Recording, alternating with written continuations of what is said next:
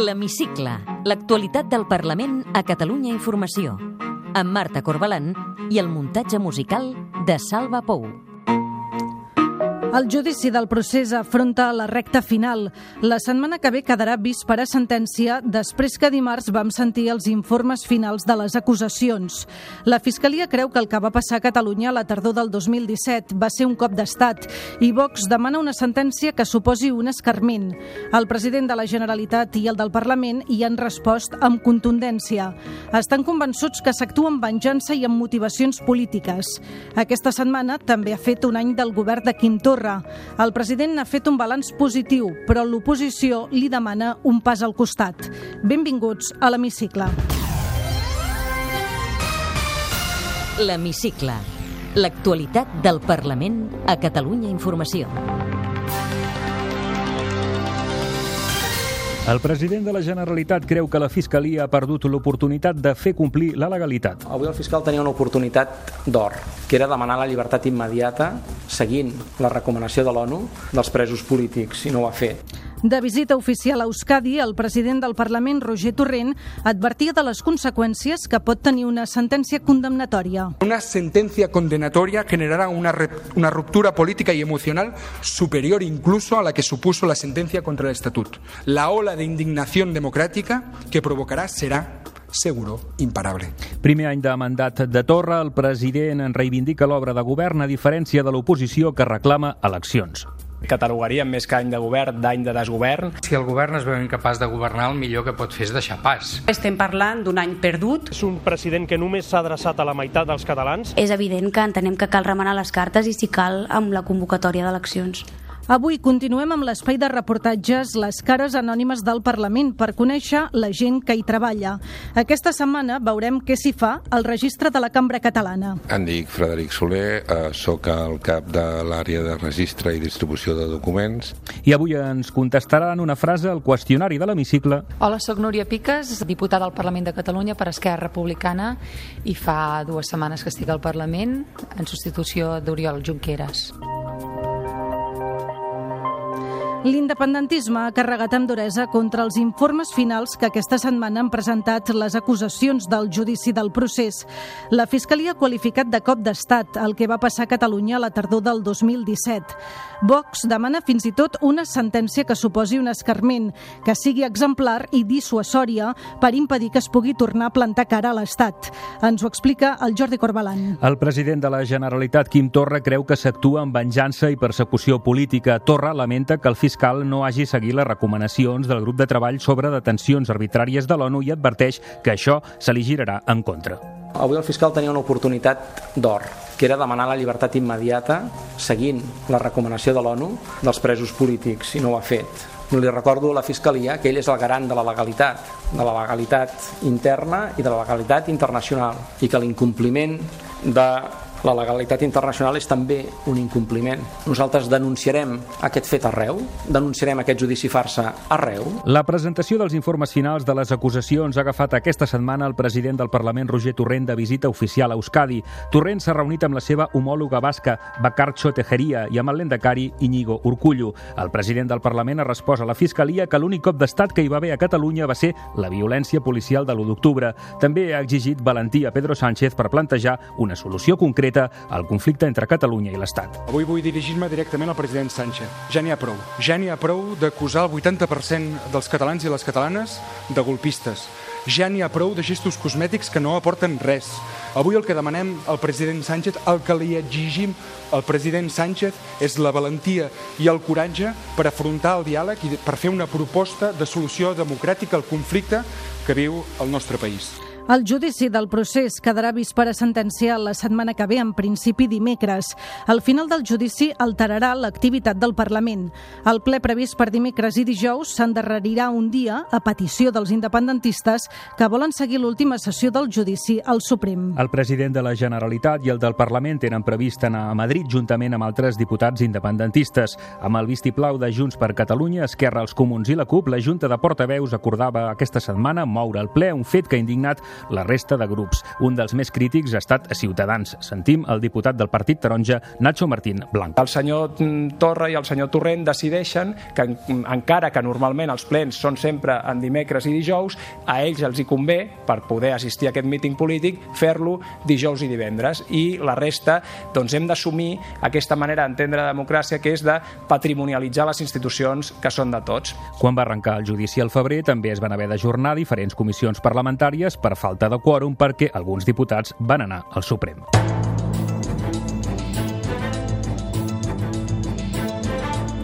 Aquesta setmana ha fet un any el govern de Quim Torra. El president ha fet un balanç positiu de la seva gestió davant les crítiques de l'oposició que li reclama un pas al costat. Torra ha deixat clar que la seva presidència no és provisional i que descarta avançar les eleccions. El president de la Generalitat ha presumit de l'obra de govern, sobretot en el terreny social i també en l'econòmic, per la baixada de l'atur, l'increment del producte interior brut a Catalunya i la reducció del dèficit fiscal. També ha fet bandera de l'actitud que ha mantingut el seu govern, diu, respecte a Madrid i ha demanat a Pedro Sánchez tornar al diàleg, tot i que el president espanyol en funcions ja li ha donat un no de resposta a la seva petició de parlar, entre altres qüestions, de la repressió i dels presos independentistes. Jo demano al president del govern que sortirà, que torni a la taula del diàleg. Allà no ho vam deixar, que és justament amb un full tan senzill de redactar com que en un costat hi ha les pretensions del govern de Catalunya, que és l'exercici del dret d'autodeterminació dels catalans, i l'altra la proposta que el govern d'Espanya tingui per Catalunya, que la desconeixem. L'oposició creu que el primer any de govern de Torra ha estat un any perdut i reclama que s'aparti. El diputat de Ciutadans, Nacho Martín Blanco, destacava que han estat 12 mesos de desgovern. La política del senyor Torra és res de res, un any absolutament perdut pels catalans, un any absolutament perdut per al conjunt dels espanyols, òbviament, i en definitiva un any més de confrontació, un any més de procés. Això és el procés, ja eh, n'hem tingut uns quants i aquest és un altre any, un any més. El líder del PSC, Miquel Iceta, demana a Torra que convoqui eleccions. Si el govern es veu incapaç de governar, el millor que pot fer és deixar pas. És evident que estem en una legislatura fallida, probablement a l'espera del que pugui ser la sentència del Tribunal Suprem i en posterioritat a aquesta sentència amb una convocatòria avançada d'eleccions. Molt crítica també ha estat la cap de files dels comuns, Jessica Albiach. Dient que Torra és el millor representant del fracàs de la política de blocs i la veritat és que ni ells ni ell ni tampoc els que s'amaguen darrere d'ells tenen la capacitat ni estan en condicions de donar ni mitja lliçó. El popular Alejandro Fernández acusava Torra d'oblidar-se, diu, d'una part dels catalans. És un president que només s'ha adreçat a la meitat dels catalans, que ha tractat de manera hostil a l'altra meitat, aquells que no són separatistes, que de vegades fins i tot ha fet d'arangar les masses eh, per sortir en manifestacions en contra dels mateixos Mossos d'Esquadra. Per tant, ha, ha funcionat en moltes ocasions com un president antisistema eh, i el seu balanç d'un any no pot ser més negatiu. I la diputada de la CUP, Maria Sirvent, creu que aquesta legislatura no dona més de sí. És cert que entenem que aquesta legislatura està absolutament esgotada i que tal a dia d'avui no pot continuar exercint eh, aquesta acció de govern contrària als drets i les necessitats de la gent i per tant nosaltres des d'una posició d'oposició eh, és evident que entenem que cal remenar les cartes i si cal amb la convocatòria d'eleccions. Ben contrària és l'opinió dels socis del govern. La portaveu d'Esquerra al Parlament, Anna Caula, descarta un avançament electoral. En aquest moment Esquerra Republicana no es planteja unes eleccions eh, està amb un govern de coalició que governa, que tot just porta un any eh, arrencant totes aquestes polítiques socials que tant ens preocupen. Per tant, crec que fins aquí és l'interès que hi ha en aquest moment, amb la realitat que tenim en aquest moment. I des de Junts per Catalunya, Toni Morral creu que la gestió del primer any de govern ha estat bona, especialment en un context complicat. Valorem que el balanç és positiu d'aquest any. De fet, eh, ha estat un any en què el govern ha tingut que de fer front a unes dificultats molt, molt perentòries i molt, molt concretes com és el eh, revertir els efectes del 155 Després de fer-ho al Palau de la Generalitat davant dels mitjans de comunicació, Torra també haurà de compareixer al Parlament per fer balanç del seu primer any de govern. El president ha presentat una petició de compareixença abans que el pròxim ple voti una iniciativa del PP que també exigia a Torra que donés explicacions en seu parlamentària.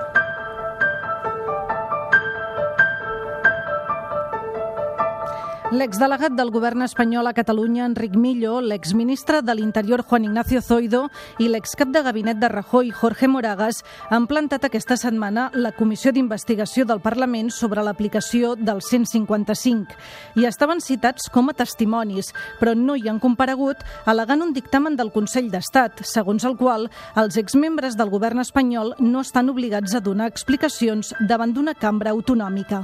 Després d'una altra vegada la imatge de les cadires buides, la seva incompareixença ha indignat els grups independentistes i els comuns. Sentim la diputada de Junts per Catalunya, Gemma Geis, el republicà Jordi Orovich i Marc Parés, de Catalunya en Comú Podem. Jo crec que no és eh, positiu en qualsevol estat democràtic que hi hagi impunitat política i crec que el que estem veient aquesta comissió d'investigació és aquesta impunitat política per part dels que van aplicar el, 100, el 155. Reiterar doncs, en aquest cas a la, a la mesa del Parlament que faci el possible doncs, perquè hi hagi una resposta judicial eh, que probablement ja coneixem quin serà el resultat final, però no per això hem de deixar d'exercir els nostres drets. Em sembla un despropòsit que se'ns digui que, que no podem treballar en l'anàlisi d'aquestes qüestions.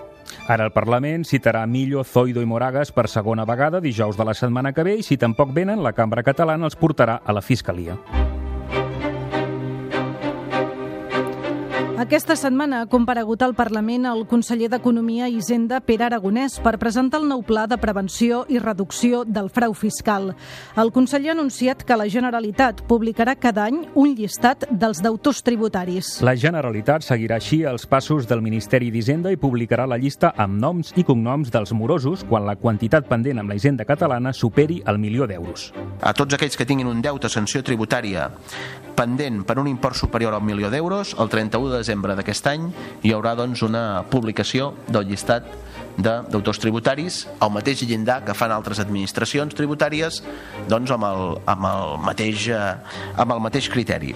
El pla antifrau de la Generalitat ha permès aflorar 740 milions d'euros de frau entre el 2015 i el 2018.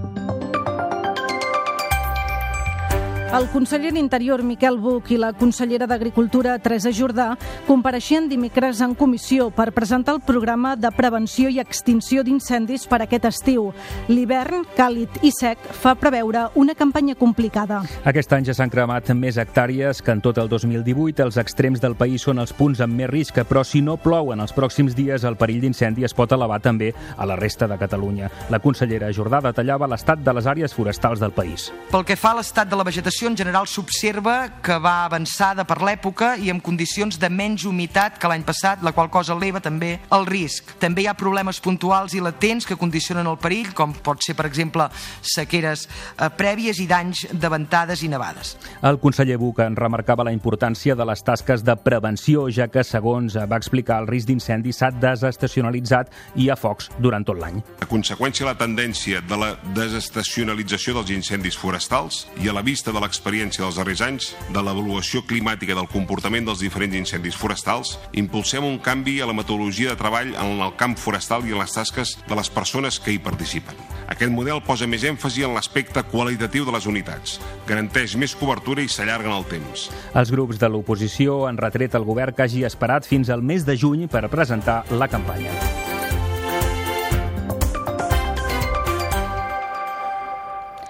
I avui seguirem coneixent la gent que treballa al Parlament a banda dels diputats i diputades. Ens endinsarem al registre de la Cambra Catalana. Les cares anònimes del Parlament. Em dic Frederic Soler, eh, sóc el cap de l'àrea de registre i distribució de documents i fa eh, 17 anys que treballo al Parlament. Totes les iniciatives que fan des de preguntes per escrits que fan els diputats fins a les proposicions de llei que poden presentar els grups parlamentaris. Absolutament tot passa per registre. La feina primer com, consisteix en, en revisar eh, formalment el document que, vagi, que tingui totes les característiques que ha de tenir perquè es pugui registrar i després doncs, el que es fa és iniciar la tramitació a partir d'aquest moment. 95% aproximadament és, és treball parlamentari. Són els grups i els diputats els que presenten totes les iniciatives a registrar. Els ciutadans eh, també es poden adreçar al Parlament exercint el dret de petició. Els grups que donen suport al govern acostumen a ser molt menys productius i en canvi els grups de l'oposició acostumen a ser, a ser més productius.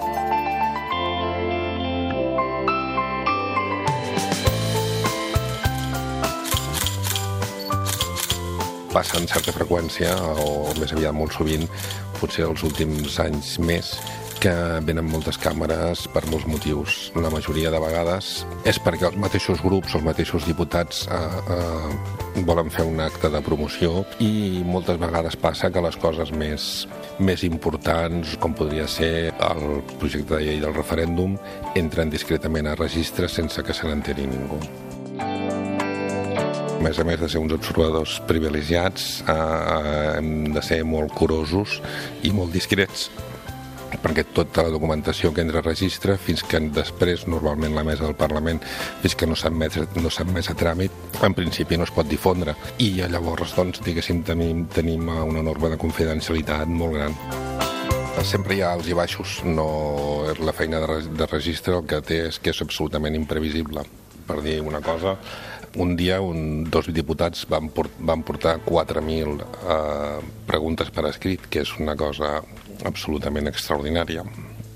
I la mitjana que sí que puc dir és que anualment doncs, fem sobre els 35.000 registres.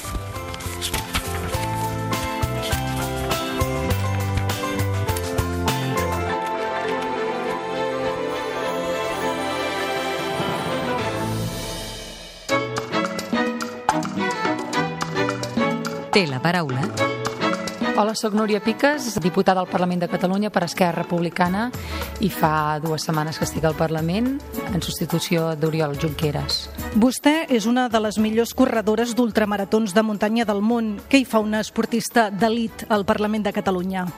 Doncs també és una gran cursa, realment és un autèntic ultratrail, no?, el que està vivint el nostre país, per tant penso que és un bon moment per aportar el meu granet de sorra. Vostè ha entrat al Parlament per substituir Oriol Junqueras. Li fa impressió? M'agradaria dir que tant de bo no estigués aquí substituint l'Oriol, uh, tant de bo doncs, tot es normalitzés i l'Oriol pogués estar aquí fent la bona feina que ha fet durant tots aquests anys. I fa molta impressió, uh, però bé, intentarem fer uh, el millor millor possible per, per avançar cap a la república i, i pel bé del nostre país.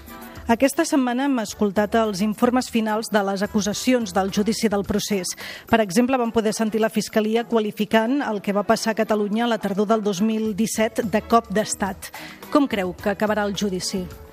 Doncs, uh, francament, és, és preocupant, no? És preocupant, doncs, uh, com l'advocacia de l'Estat i la Fiscalia doncs, està fent totes aquestes acusacions que per mi són del tot desmesurades. Però jo confio, confio encara en la justícia i confio que doncs, uh, aquest judici acabi bé, malgrat aquestes uh, acusacions i el que es va viure doncs, al Tribunal Suprem durant tota aquesta setmana. Si la sentència acaba sent condemnatòria, què creu que ha de fer l'independentisme català? Nosaltres som un país que sempre hem sortit al carrer de forma pacífica eh, i a veure cap a on, cap a on avancem quan, quan es dicti aquesta sentència, si, si és desfavorable, està clar. A banda de les mobilitzacions al carrer, creu que caldria avançar les eleccions? Ara mateix eh, penso que el que cal és governar i que és la feina que estem fent des del Parlament. Eh, és una cosa que no depèn de nosaltres, que depèn del president de la Generalitat, per tant li pertoca amb ell decidir si s'han de, de, si ha d'haver-hi eleccions o no. Vostè es veu molt de temps al Parlament? Doncs miri, no ho sé, sóc una persona per etapes, però el que sí que és cert és que m'agrada molt fer allò que, que estic fent en el moment. Ara visc molt al present, també pensant en clau de futur. Penso que hi ha molta feina per fer. De moment m'hi sento molt còmoda, malgrat doncs, estar, ser fora de la meva zona de confort, que diríem que és la muntanya i l'esport. Podrà compaginar bé la feina al Parlament i els entrenaments?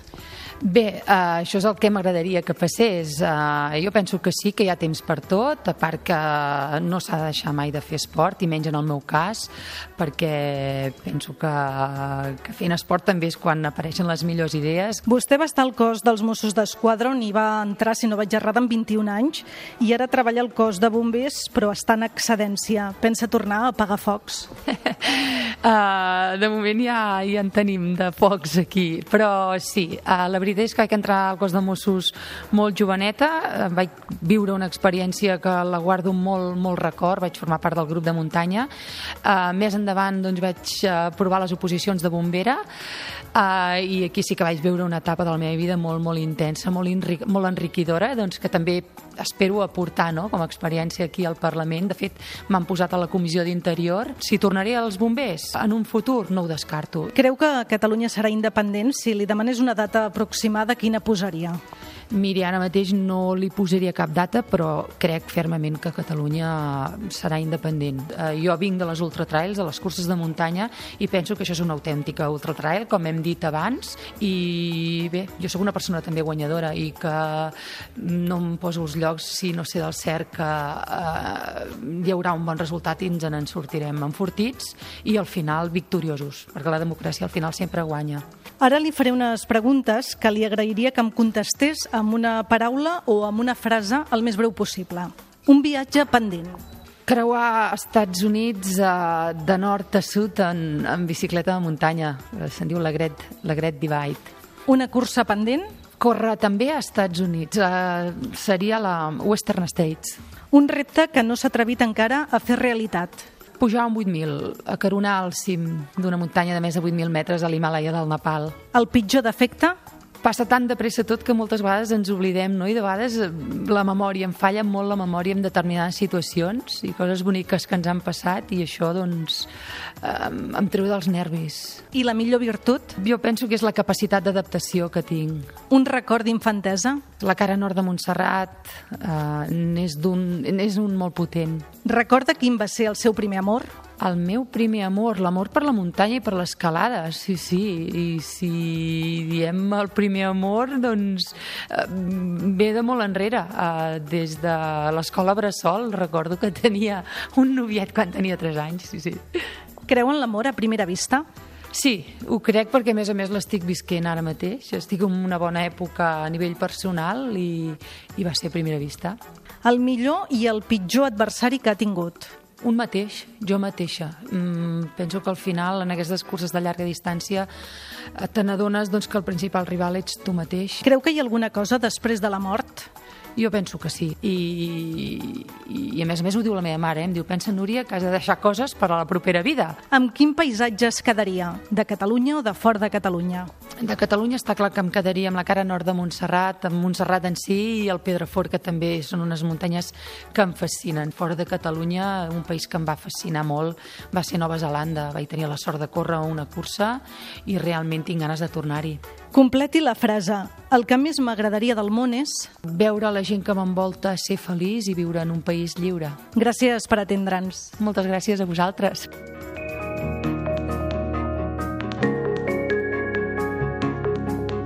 Podeu tornar a escoltar l'Hemicicle al web catradio.cat barra hemicicle o al podcast del programa i seguir l'actualitat del Parlament al perfil de Twitter arroba L-hemicicle.